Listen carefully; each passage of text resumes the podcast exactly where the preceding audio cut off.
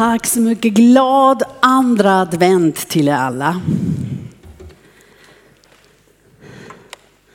Det är verkligen lite feststämning som vi har här på scenen. Så. Hörrni, jag har en fråga. Vem av er har någon gång letat efter någonting? Vem varför gjorde det i morse? Eller hur? Precis. Det, det, det, känns så att söka efter saker, leta efter saker, det tillhör livet, eller hur? Jag kan berätta en liten story från hemma, från min familj nu. Jag vet nu blir de alla nervösa men jag kommer inte att säga några namn, vem är vem i den här storyn, det får ni gissa. Okay? Men i vår familj finns det de som söker alltid någonting. Alltid, okej? Okay? Inte speciellt noggrant och därför inte med mycket succé kan man också säga. Och uh, ibland händer det faktiskt så efter kanske, låt oss vara mycket generös nu, efter kanske 20 sekunder in i letande så kommer de att ropa tack, jag vill inte säga det. Mamma! Har du sett det här? Mamma! Vet du vad det är? Rut! Kommer också ibland, okej? Okay? Ja, alltså nu fattar jag. Vilken mamma är här som eh, känner det här? Jag säger så här, jag tror om jag skulle ha samlat in 20 kronor varje gång jag har hittat någonting, skulle jag redan vara på Fiji på semester. För det är oftast så att jag kan komma in i rummet, öppna dörren och se det på en gång. Alltså jag fattar inte riktigt. Jag är ibland lite förvånad hur det kan gå till. Men hur som helst, vi, vi vet, vi känner ju det. Det här att hitta saker, leta efter saker. Alltså det här med till exempel, var är den andra handskan eller strumpan? Speciellt när man har små barn, eller hur? Juldekorationen, vad har vi packat in den förra året? Var finns den här vissa stjärnan som man letar efter? Garantibevis på den här elektrobrulen som skulle ha fortfarande garanti. Nyckel eller telefon, eller hur? Och då är det ju så med telefonen minst, då ger man inte upp, eller hur? Då söker man verkligen tills man har hittat den.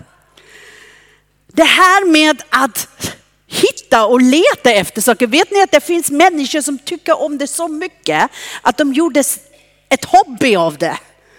Att gå efter skattjakt eller geocaching. Det kan du göra frivilligt. Att leta hela tiden efter saker.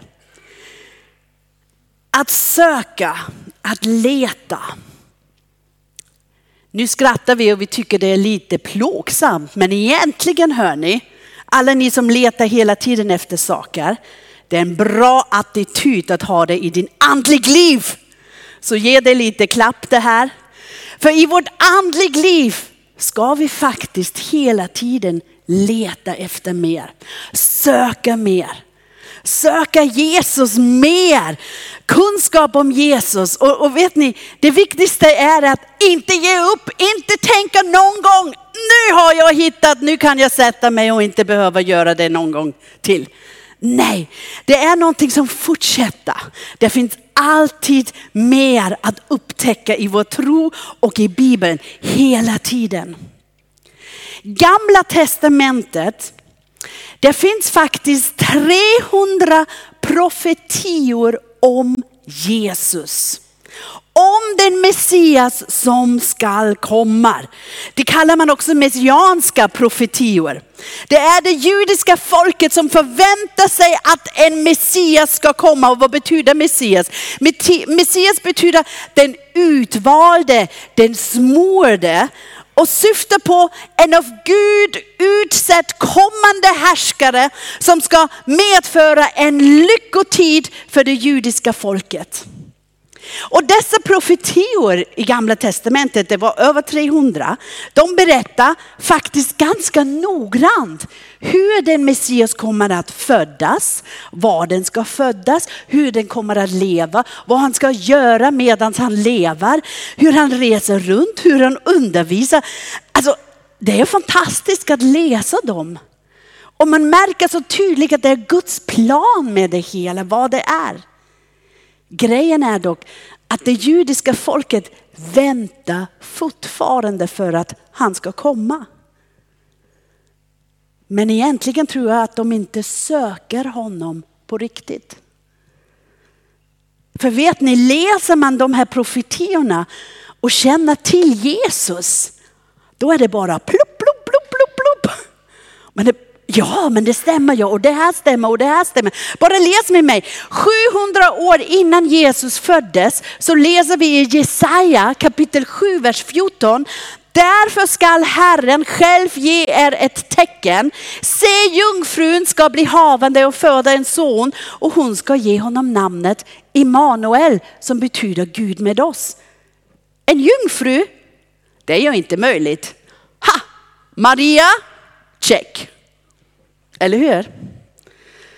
Speciellt allt kring hur Jesus kom på jorden. Alltså det finns så många saker i Bibeln som, kom, som berättar om det. Tänk på det, 700 år innan det skedde. Mika, en annan profet, det var kollega till Jesaja. Han levde också 700 år innan Jesus födde. Han profeterade var han ska födas. I Mika kapitel 5, vers 2 står det, men du Betlehem Efrata som är så liten bland judatusenden, från dig skall det åt mig komma en som ska härska i Israel. Hans ursprung är före tiden från evighetens dagar. Betlehem Alltså Betlehem var inte känt för någonting kungligt, inget industri, ingen rikedom, ingen kännedom. Men Jesus föddes i Betlehem. Fattar ni hur exakt Jesu ankomst var faktiskt föruttalat? Om vi skulle ha 300 ledtrådar att hitta vår mobiltelefon. Wow, skulle aldrig tappa bort det, eller hur? 300 ledtrådar. Det ska, skulle vara oerhört spännande att leta efter det. Men att leta 700 år. Det här kanske även en mamma skulle ge upp. Eller hur? 700 år är ganska långt att vänta. 700 år att inte glömma. Att inte ge, ge upp hopp att någon ska komma. Vet ni, en sak fascinerar mig på, på det hela julevangeliet när vi läser det nu. Jag hoppas ni alla läser det. Minst på julafton. Slå upp Lukas kapitel 1 och 2 och läs den tillsammans. Annars kan ni också i moment gå till bion och titta på en julfilm som heter Journey till Betlehem. Starkt rekommenderas som en musikal faktiskt. Gör det, den tycker jag är jättebra. Vet ni, det fanns människor som vi läser om. Och de kom till Jesus med en övertygelse att han är kung. För de såg alla de här ledtrådarna. De gick på en resa, sökte tills de hittade Jesus. Intressant nog var att de växte inte upp som judar. De växte inte upp med de här texterna om Messias. Så de var inte troende på det här sättet. De var inte närheten av Betlehem så att de skulle kunna tänka, ja men det här kanske tar tio minuter, låt oss snabbt ta en sväng förbi och kolla om det, om det faktiskt är han eller inte. Nej, de reste fyra månader minst för att komma till Jesus. De var hundra procent sökande och hundra procent säkert, that's it. Nu är han född. Gissa vem jag pratar om? De vise männen. Här har vi dem. Titta. Här står de. Ett, två, tre. Vem av er har en krubba hemma? Nej, inte många. Vem av er har vise män? Vem av er har tre vise män? Precis, det, är ju lite, det är jag lite lustig, lite grann lust, lustig är det jag. För, för det är ofta så har man en krubba, då har man tre vise män som står där och ibland eh, är de på knä. Du vet, och de har fina kläder på sig så att man kan hålla isär dem från herdarna när man ställer upp krubborna, eller hur? Så har de lite eh, äh, skattkister och kommer med sina gåvor. Men det här att de är tre, det har vi på grund av tradition. Många sånger, många dikter, många tavlor som målades någon gång i tiden. Det står faktiskt inte i Bibeln att det var tre, vill jag bara säga. Men det är okej, okay, låt dem stå alla tre. Okay. Men Bibeln nämner inte antalet. Och de säger också inte att de var kung, konungar. Och de säger också inte att de kom precis den tiden där Jesus föddes tillsammans med herdarna. Det står också inte i Bibeln. För egentligen tänker man, stjärnan kommer när Jesus föddes och de kommer att ha fyra månaders resetid. De behövde ha jetdrivna kameler att komma dit. Jag vet inte, flyger eller mirakel kan ju ske, men ni vet, alltså det passar inte så riktigt in med tidpunkten där. Men ska vi läsa om Matteus evangeliet kapitel 2, 1 till 12. Och jag vill också läsa vers 16. Så vi läser 1 till 12 och vers 16. Och jag läser det från en liten annorlunda översättning, men det spelar ingen roll. Jesus föddes i staden Betlehem, i Judeen, under kung Herodes regeringstid. Och efter ett tag kom några österländska stjärntydare till Jerusalem och frågade var finns judarnas nyfödda kung? Vi har sett hans stjärna gå upp i vårt eget land och har kommit för att hylla honom. Kung Herodes blev alldeles skräckslagen av deras fråga och hela Jerusalem började surra av rykten. Han kallade därför samman folkets överstepräster och laglärare till ett möte och frågade dem om de visste var Messias, den utlovade kungen, skulle födas. I Betlehem i Judeen svarade de. För Gud har sagt genom det som profeten Mika skrev, du Betlehem i Judas land, du är inte alls någon obetydlig stad, för en härskare ska komma från dig, en som blir en herde för mitt folk Israel. Då kallade Herodes i hemlighet till sig stjärntydarna igen. Och vid det mötet lyckades han få reda på den exakta tidpunkten då de först hade sett stjärnan. Han sa till dem, res till Betlehem och leta efter barnet. Och när ni har hittat det, kom då tillbaka och tala om det för mig så att jag också kan resa dit och hylla det efter samtalet med kungen gav stjärntydarna sig iväg. Och då visade sig den stjärnan igen som de hade sett gå upp i deras eget land. Den gick före dem tills den stannade över det ställe där barnet fanns i Betlehem. Stjärntydarna blev mycket glada då de fick se stjärnan. Och de gick in i huset och fann barnet och hans mamma Maria. Där föll de ner på knä för honom och hyllade honom. Sedan tog de fram sina kistor och gav barnet gåvor. Det var guld, rökelse och myrra. Men när de, skulle, när de skulle återvända till sitt eget land reste de aldrig genom Jerusalem för att rapportera till kung Herodes. Gud hade varnat dem genom en dröm och därför tog de en annan väg. Herodes blev rasande när han förstod att stjärntydarna hade lurat honom. Och han skickade soldater till Betlehem med order om att döda alla pojkar som var två år eller yngre. Både i staden och på landsbygden runt omkring.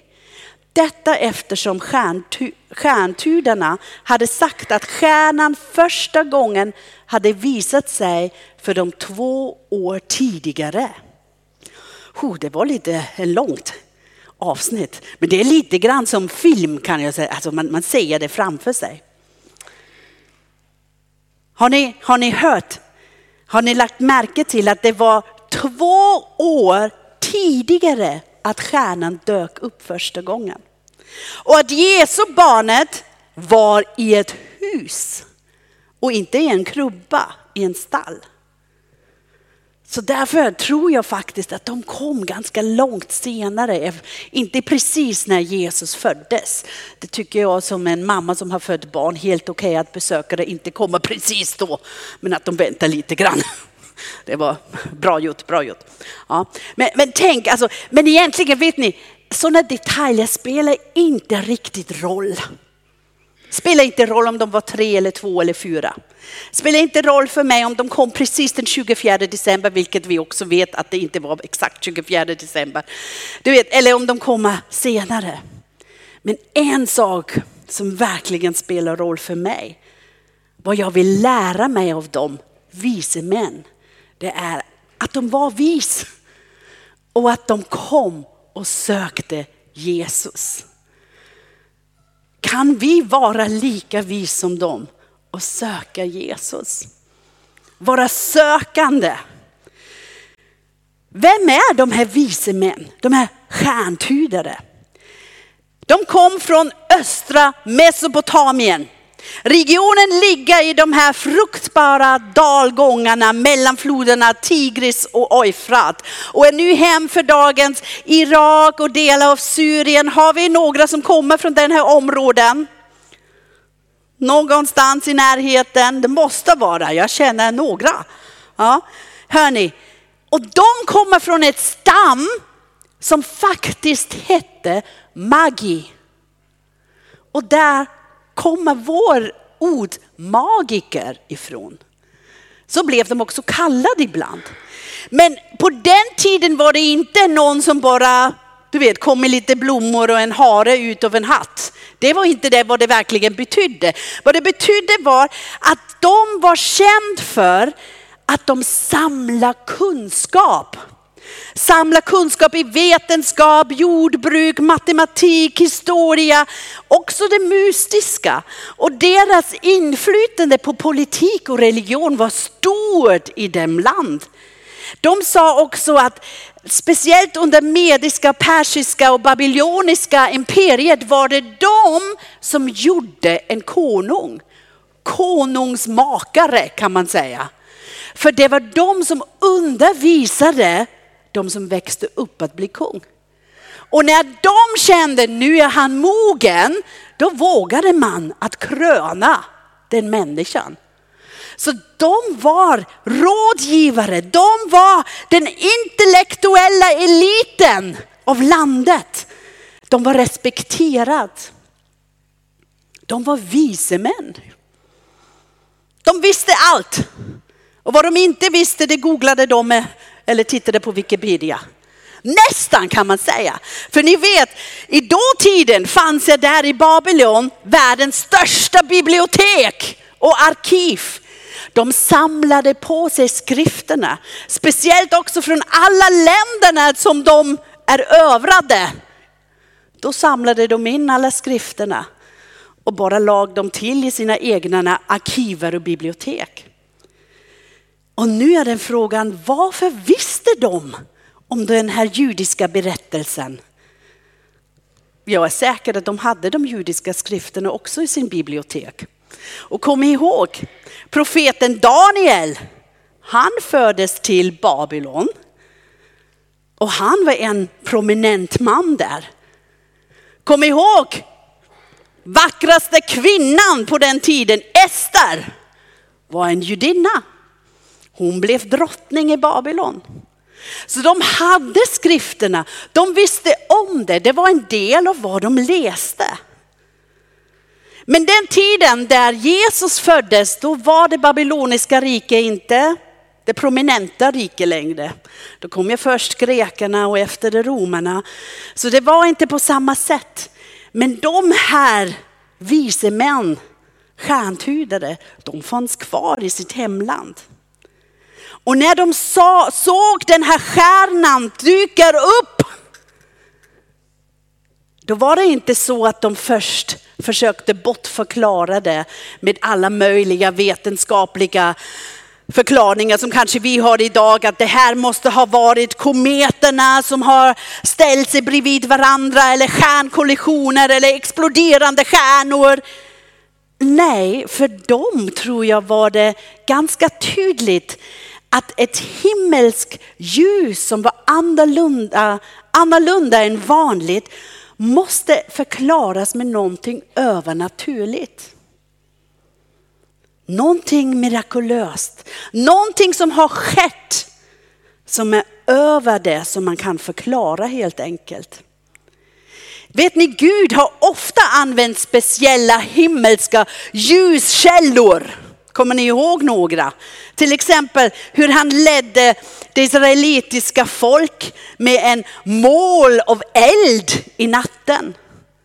Eller hur han kom in när de byggde tempel och hans närvaro var som ett strålande ljus som fyllde hela Jerusalem. Eller Paulus, när han var på väg till Damaskus så kom plötsligt ett ljus och han blev blind av det. Så stark var det. Men det var alltid en tecken att Guds närvaro var där. Och man förklarade även med ett speciellt ord, uh, nu hittar jag det inte, Shekinas härlighet heter det. Och det är Guds boning. Det förklarar Guds boning. Det är alltså en, en synlig manifestation av gudomligt majestät som är närvarande. Och det här var Betlehemsstjärnan. Den var där.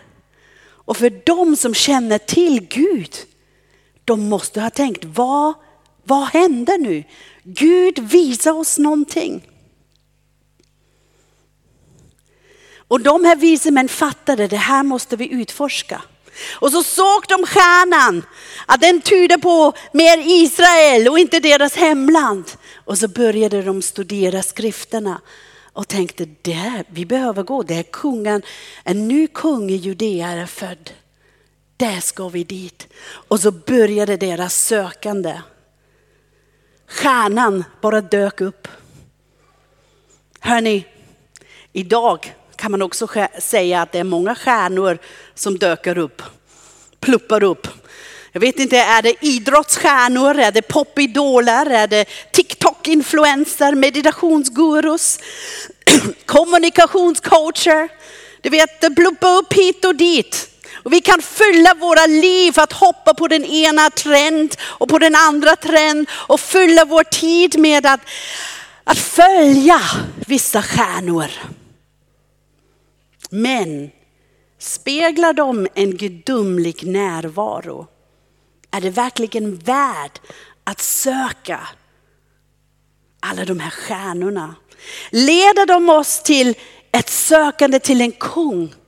En annorlunda kung, en kung som kom för att betjäna oss.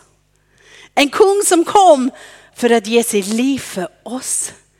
Och inte en stjärna som vill bara utnyttja dina pengar för han blev sponsrad för någonting.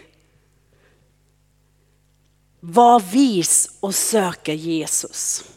Sök honom med allt du har. Med din tid, med dina prioriteringar.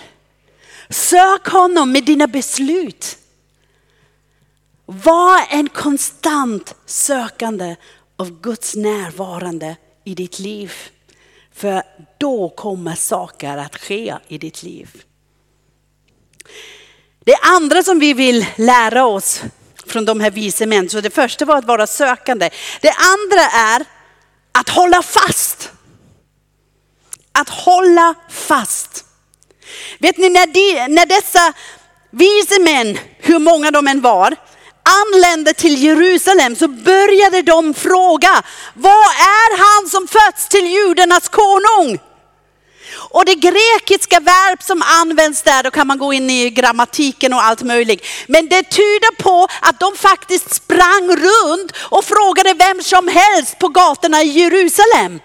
Vet du var han föddes? Har, har du hört om den nya kungen? Var är han? Och då måste de vara mycket chockerande att ingen kunde svara. De som kom med en fyra månaders resa och ingen där visste om en konung som föddes. Alltså då skulle jag ha gett upp. Ja men då var vi helt fel. Ja vi går hem igen. Eller hur?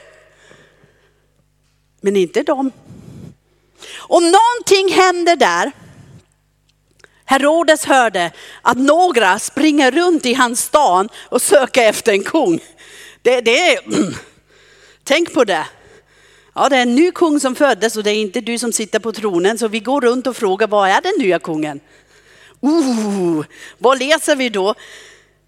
Då läser vi att han blev rädd. Hörde, det är lite spännande här.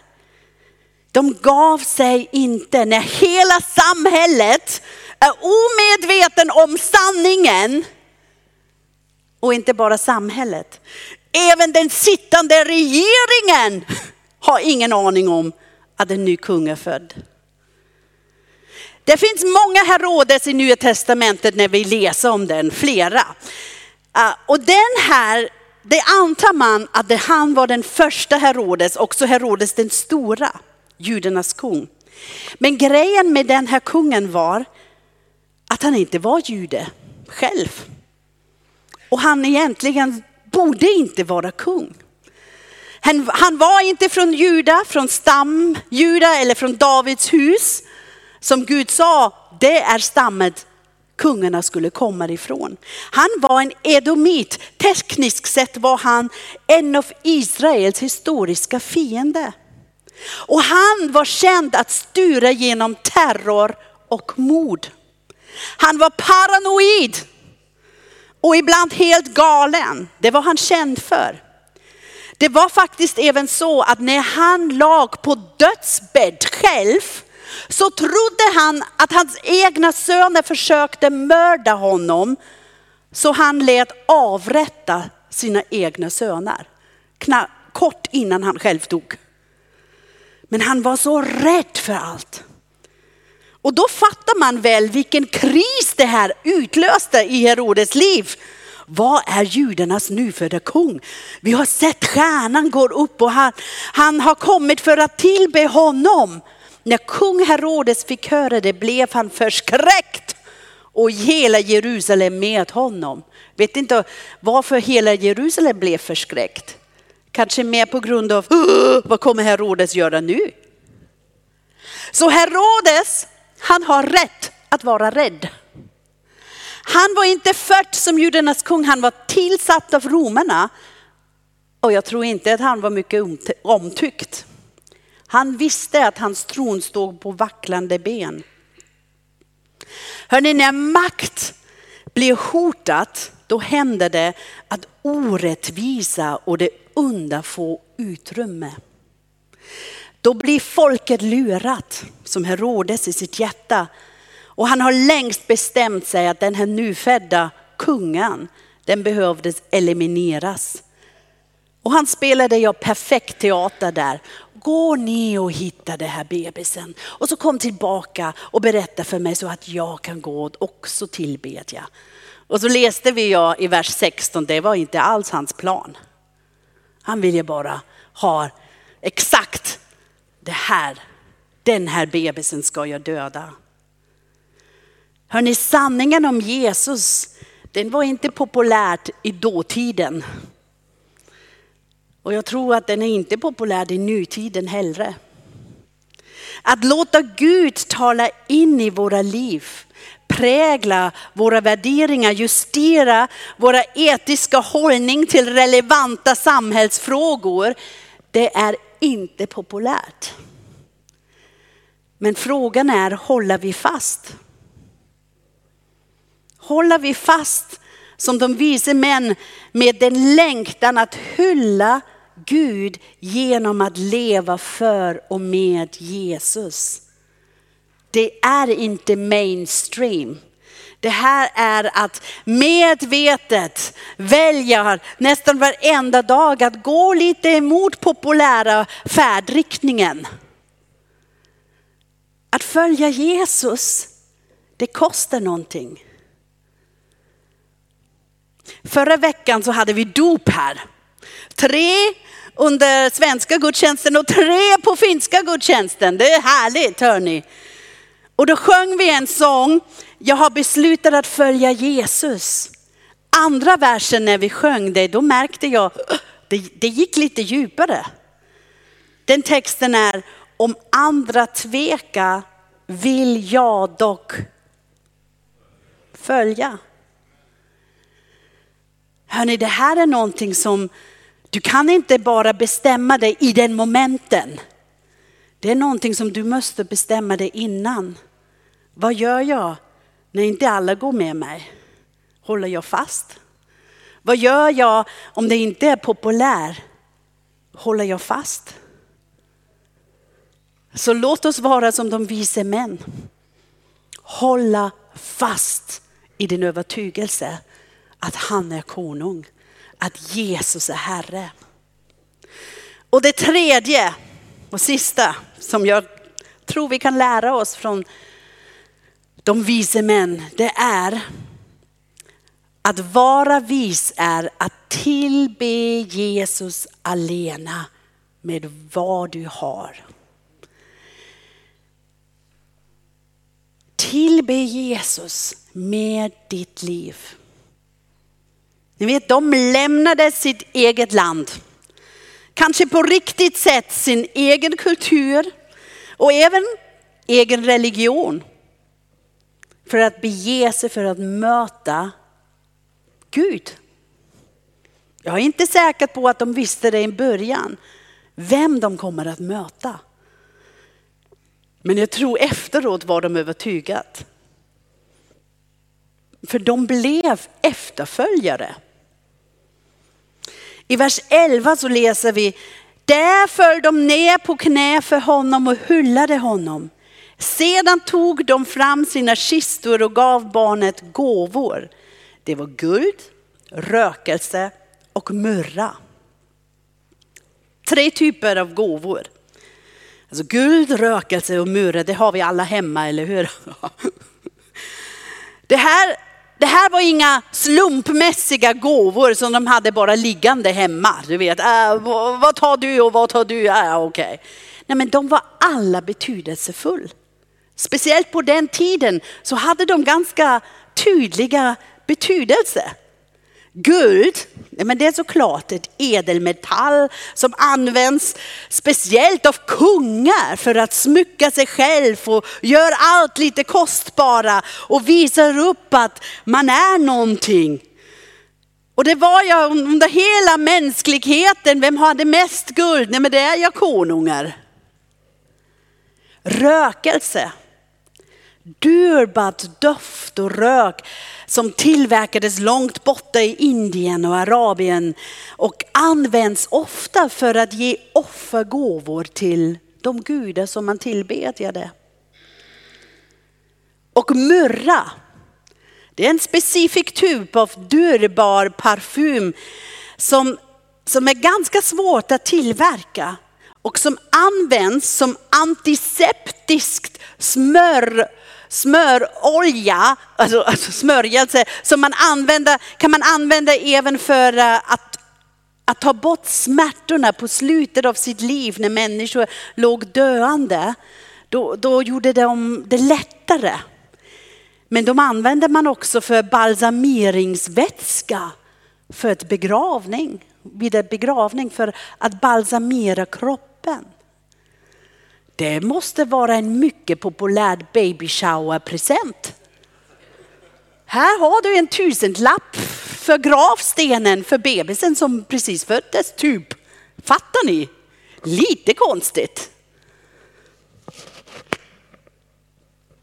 De här gåvorna som Jesus fått.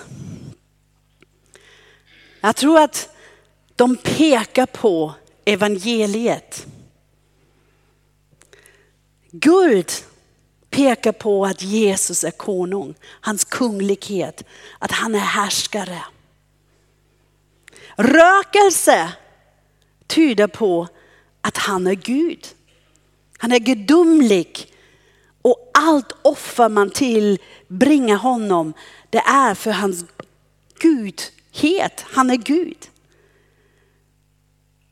Och murra, det visar någonting om hans mänsklighet, att han kommer att dö. Men egentligen tror jag, och jag, jag tror att de var inte riktigt medvetna om, men de här vise män predikade faktiskt evangeliet. Att han som är Gud blev människa. Och han kommer att härska. Men inte så som vi tänker på att härska. Men han kommer för att lägga ner sitt liv och dö på korset för oss så att vi kan leva. Egentligen är det det som de visade med sina gåvor. Och det är ganska intressant att de kommer att ge det kostbaraste som de hade. Och de visste att det här barnen är värt det. Det här barnet är värt vad vi kan ge.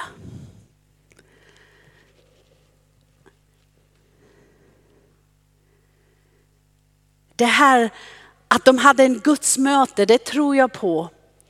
För vi läser ja i vers 12 att de inte återvände till Jerusalem. För Gud hade varnat dem genom en dröm. De hade en dröm och de förstod på en gång det här var Gud. Och efter en gudsmöte tror jag att vi människor faktiskt har någonting i oss och det kallas också den heliga ande. Som gör det tydligt när Gud talar med oss. Någonting, när någonting sker i vårt hjärta, när det brinner lite extra. Att man känner, det här var inte mina egna tankar, det här är Gud.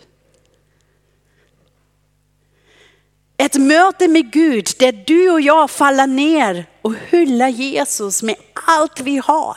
Det har konsekvenser. För när vi ödmjukar oss och faller ner och tillber honom så säger vi du är vår Herre.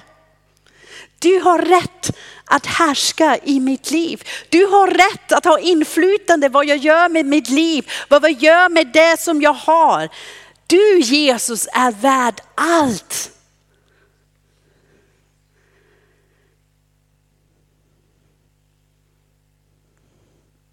Och de fattade när Gud talade, det här var Gud. Och då lyder vi Gud mer än vad vi lyder en kung som befall kom tillbaka till mig. Spenderar vi så mycket tid med Gud att vi hör hans röst. Att vi fattar när han talar till oss. Har du upplevt det? Om du känner nej, jag har inte upplevt det men jag vill uppleva det. Ge Gud. Ge Gud av din tid. Ge Gud, sök Gud. Håll fast, hylla honom, tillbe honom. Kom in i närvarande, kom in till bön, kom och sök honom. För den som söker kommer att finna. Den som knackar på dörren, dörren blir öppnad. Men ge inte upp. Håll ut. Håll ut. Var vis. Låt oss vara vis. Och om du tycker och tänker, men jag är inte sådana intellektuella eliten som vi läste om. Vet ni, där på krubban, då står också herdarna. De såg också ett ljus. De hörde också en röst, änglarna som säger, gå till Betlehem och hitta Jesus och tillbe honom. Och då är det bara att stå upp och göra det. Ibland gör vi allt lite för komplicerat. Ibland är det bara att resa sig och göra det vad Jesus säger till dig att göra. När lovsångsteamen kom upp nu vill jag bara säga, ta tid och läs julberättelsen. Låt oss inte bara tänka att den här grubban är ett gullig sak som bara står där. Tänk på vad de här människorna har faktiskt varit med om och hur det förändrade deras liv. Och låt oss verkligen följa i deras fotspår. Att vara vis är att vara sökande. Att vara vis är att hålla fast. Och att vara vis är att tillbe Jesu alena med allt du har. Så låt oss stå upp nu och gör det.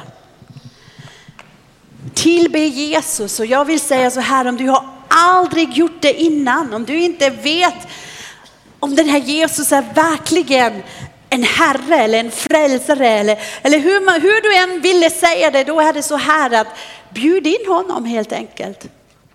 Det står i Bibeln när man säger Jesus är Herre och man tror på honom. Då kommer det att ändra någonting i ditt liv. Han kommer flytta in och då kommer ett liv med honom börja. Och vill du göra det för första gången, det finns människor som står där vid sidan. Bara gå till dem och säga hej, jag vill möta den här Jesus och de hjälper dig. Och någon annan här, om du vill ha förbön för någonting som du tycker det här är svårt att söka, det är svårt att hålla fast, det är svårt att tillbedja. Gå och få hjälp i förbön. Lägg ner det som hindrar dig. Amen.